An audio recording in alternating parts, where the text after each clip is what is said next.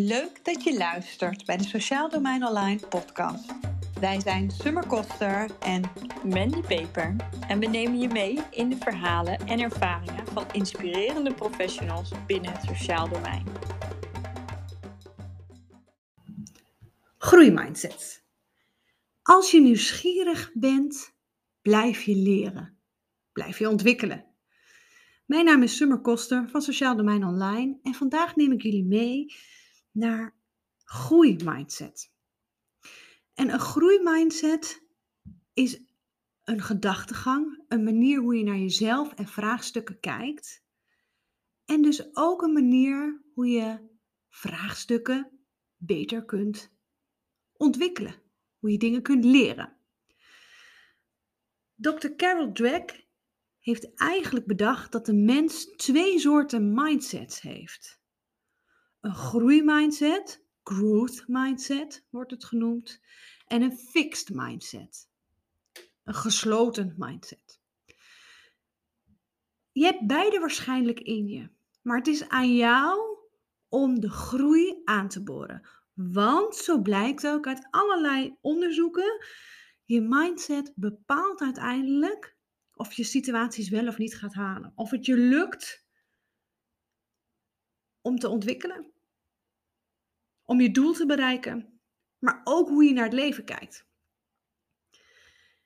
De fixed mindset gaat er eigenlijk over, ja, het is niet voor mij weggelegd. Ik kan het niet. Ik ben nou eenmaal geboren als een kwartje, dus ik zal nooit een euro worden. Dit is moeilijk, dus ik doe het niet. Allemaal voorbeelden en soms ook vooroordelen van een fixed mindset. De groeimindset daarentegen gaat meer over als ik oefen en ontwikkel, dan gaat het me misschien wel lukken. Falen is niet zozeer falen, maar falen is leren. De groeimindset zegt ook dat je vaardigheden dat je er niet zozeer mee bent geboren, maar dat je blijkbaar de discipline hebt en de mogelijkheden tot je hebt genomen, soms ook de omgeving hebt of aangeboord hebt om iets te kunnen, te kunnen leren. Dat je ja, dedicated bent, toegewijd bent om te leren. De spreuk van Pipi Langkous. Ik heb het nog nooit gedaan, maar ik denk dat ik het wel kan. Dat is echt een voorbeeld van een groeimindset. En die groeimindset zouden we ook kunnen doortrekken naar het formuleren van doelen. Jij als professional formuleert zeer regelmatig doelen. Dat doe je misschien vanuit verschillende rollen. Of je doet het vanuit jezelf. Dat je voor jezelf doelen stelt. Ik zelf ben bijvoorbeeld geneigd om nou, elk jaar wel nieuwe doelen voor mezelf te stellen. En eigenlijk uh, rond de zomervakantie opnieuw bij te stellen. Omdat ik graag iets wil leren en wil bereiken. Ook dat is een voorbeeld van toch een groeimindset. Geloven dat je wilt blijven ontwikkelen en blijven leren. Je zou je kunnen afvragen, als je medeprofessionals tegenkomt die zeggen: Ja, maar ik heb eigenlijk niks te leren, ik kan dit al. In welke mindset iemand dan zit. Ik zelf ben overtuigd dat ik van iedereen iets kan leren. Al is het soms maar iets meer over mezelf. Maar in een groeimindset zouden we ook kunnen kijken naar het formuleren van een doelen. Het formuleren van doelen gaat in dit geval veel meer over wat je wel wilt bereiken. Dus waar je naar wilt groeien, waar je progressie in wilt maken. Dus het stellen van doelen naar wat je wel wilt in plaats van naar wat je niet wilt. Een voorbeeld van een doel is bijvoorbeeld: ik wil niet zoveel eten. Eigenlijk is dit dus, heel plat gezegd, een iets wat fixter doel. Want het gaat uit van wat je niet wil. Je zult waarschijnlijk meer bereiken als je het doel positief formuleert naar wat je wel wilt bereiken. Wat ligt er bijvoorbeeld achter het doel wat je hebt gesteld? Bijvoorbeeld als je zegt ik wil niet zoveel eten, vertaal dat eens naar wat je wel wilt. Bijvoorbeeld ik wil gezonder eten. Of ik wil meer rustmomenten op een dag. Ik wil meer plezier ervaren aan. Ik wil een gezondere leefstijl. Allemaal voorbeelden van wat je wel wilt. Dit geldt ook voor de mensen die jij misschien begeleidt als professional. Misschien de inwoner of de cliënt of je team. Kijk eens naar doelen die je stelt en hoe die geformuleerd zijn. En als je ze positief kunt formuleren, is er dus meer kans, meer groei, dat het doel ook bereikt Want iedereen wordt eigenlijk positiever, blijer of enthousiaster, gemotiveerder van het zoeken naar mogelijkheden. Het richten op wat je wel wilt, dat geeft namelijk energie. Dat geeft groei. Vandaar ook de groeimindset. Als we nog even weer terugbellen naar die doelen, naar bijvoorbeeld wat je niet wilt, vertalen naar wat je wel wilt. Soms zit er achter het doel ook een andere behoefte. En is het ook heel erg waardevol om die behoefte, ja, ik noem het even, in de bek te kijken. Gewoon even boven tafel te hebben. Wat is nu daadwerkelijk de behoefte die hierachter ligt? Ik wil niet zoveel werk hebben. Ik wil niet zoveel last van werkdruk ervaren. Als we die zouden vertalen, wat zou dat dan voor jou kunnen zijn? Bijvoorbeeld, ik wil meer balans en energie in mijn werk. Ik wil tijd en ruimte om mijn werk goed te kunnen uitoefenen. Ik wil mij zekerder voelen in de werkzaamheden die ik heb. Ik wil meer rust ervaren in mijn werk. Ik wil meer tijd voor mijn professionele vakmanschap. Dat zijn de doelen die je gaan helpen in het groeien. Maar het formuleren van doelen doe jij waarschijnlijk ook als professional in relatie tot de andere cliënt. Dus als je een vraag verheldert en op onderzoek gaat naar wat iemand echt wil, kijk eens of je ook een laagje dieper kan. Het vragen van een middel. Ik wil bijvoorbeeld een auto. Daar zit nog een behoefte achter. Wat wil je bereiken met die auto? Welke behoefte zit erachter? Waar wil je naar groeien? Bijvoorbeeld, ik wil meer vrijheid ervaren, dat ik gewoon kan gaan en staan waar ik wil. Of ik wil mee kunnen komen. Dat zijn dus positief geformuleerde doelen die je ook naar groei helpen, naar progressie, naar waar je naartoe wilt. Dit betekent dus ook dat we bewust zijn dat we leren als mens door te doen en door te ontwikkelen, door te ervaren. En vooral ook stil te staan bij wat je echt wilt.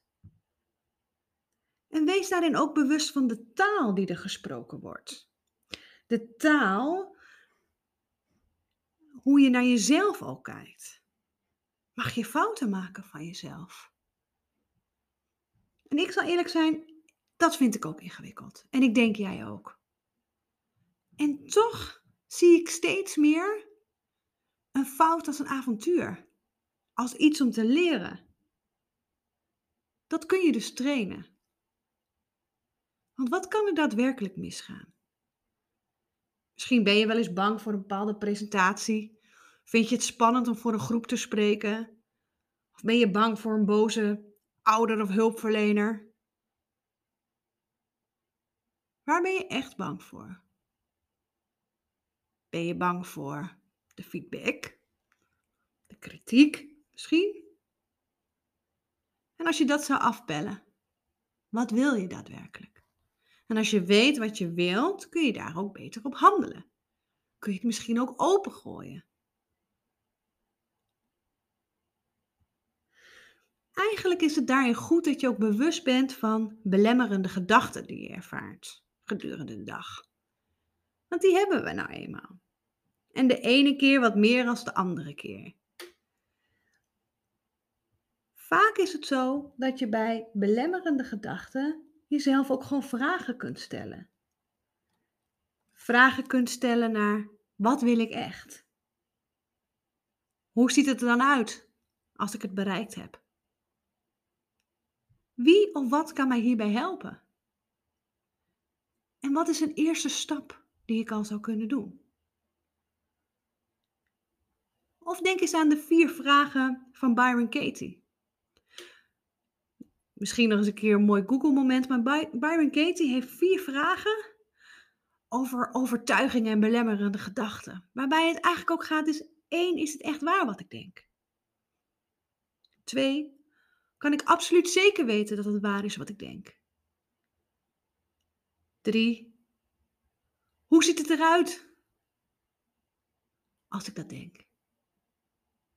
En vier, wie zou ik zijn zonder deze gedachten?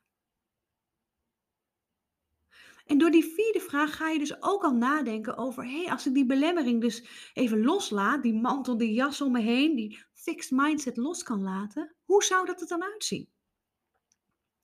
Dus ook een prachtige vraag die je eigenlijk zou kunnen stellen naar de cliënt of inwoner of teamlid met wie je een gesprek hebt. Hoe zou het eruit zien als? Hoe ziet het eruit als je hebt bereikt wat je graag wilt bereiken? Hoe ziet het eruit als het je is gelukt? Waaraan zie je dat? Een mooie oplossingsgerichte vraag is eigenlijk de miracle morning. Stel je voor dat je morgen vroeg wakker wordt en er is een wonder gebeurd. En jij hebt bereikt wat je graag wilt bereiken. Wat is het eerste wat je ziet? Wat is het eerste wat anders is waardoor je dit ervaart? Mooie vraag, hè? Wat zou er gebeuren als je deze vraag wat vaker zou stellen in je werkzaamheden? Wat vaker naar elkaar, wat vaker naar de inwoner.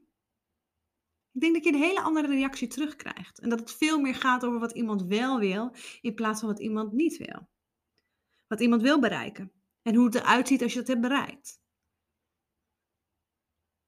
Vandaar ook de groeimindset. Het biedt groei, het biedt ontwikkeling. En hoe kom je bij die groei en ontwikkeling? Ja, het stellen van vragen. Maken van contact.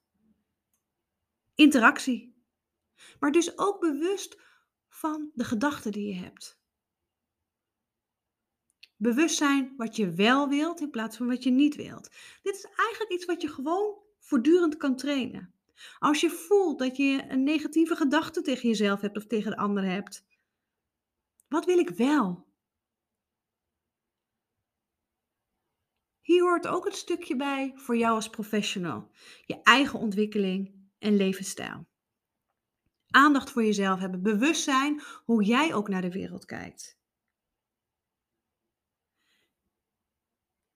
Ken je bijvoorbeeld het gezegde dat je in het vliegtuig ervoor moet zorgen dat je bij een naderend ongeluk eerst je eigen zuurstofmasker op moet zetten en dan pas die van de ander?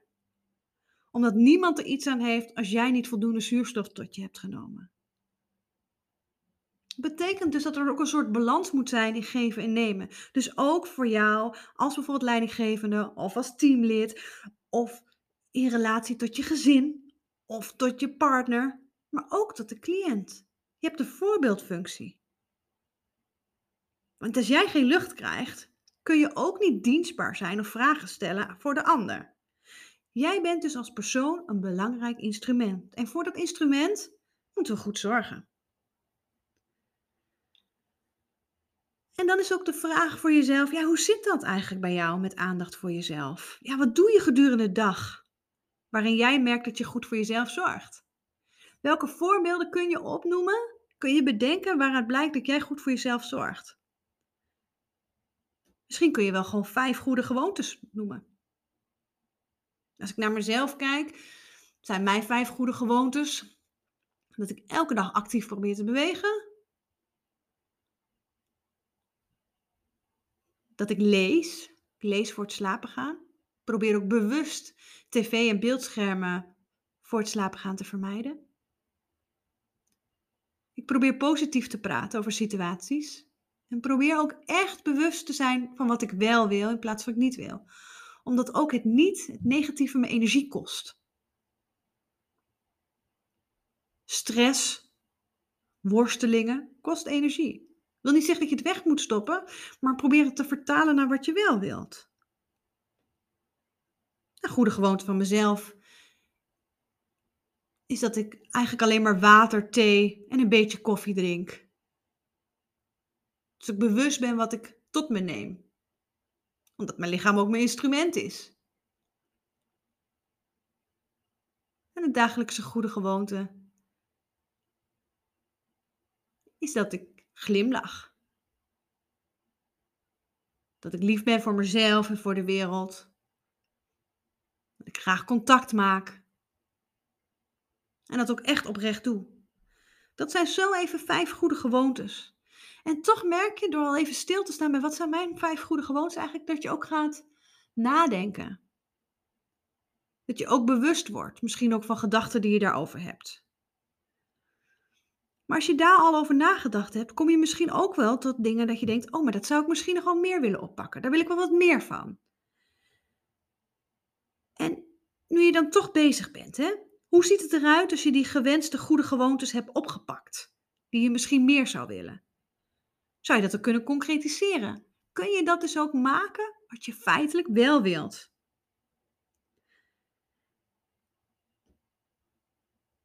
Welk voorbeeld ben je hierin voor anderen? Dat is ook een mooie. Hoe zien anderen dat aan jou? En als je bijvoorbeeld naar de schaalvraag zou kijken, naar als je het hebt over die goede gewoontes en gewoontes die je nog meer zou willen ontwikkelen. De eerste vraag is bijvoorbeeld een plateauvraag. Waar sta je nu ten opzichte van wat je graag wilt ontwikkelen? Welk cijfer zou je dat geven? En dan ook de vraag, hoe ziet het eruit als je één cijfer meer op de ladder zou hebben? En welk cijfer zou je graag willen op de ladder? En hoe ziet dit cijfer er dan voor jou uit? Wat is er dan anders? En zo kun je eigenlijk je eigen proces heel precies beschrijven. Groeien, ontwikkelen. En om te kunnen groeien en te ontwikkelen, een growth mindset te kunnen realiseren, is het dus ook belangrijk dat je zicht hebt op je dagelijkse, ja, je dagelijkse gang van zaken, jouw routine op een dag. Wat is jouw routine? Hoe zorg je voor meer energie? Hoe hou je je energie hoog? Je houdt je energie hoog door dus bewust te zijn van groei. Voor ook te willen leren van anderen. Denk eens aan een situatie, bijvoorbeeld hoe jij in een team samenwerkt met andere mensen. Hoe kijk je naar het succes van anderen? Zie je dat als kans om van te leren of zie je het als bedreiging? En heel eerlijk reflectief.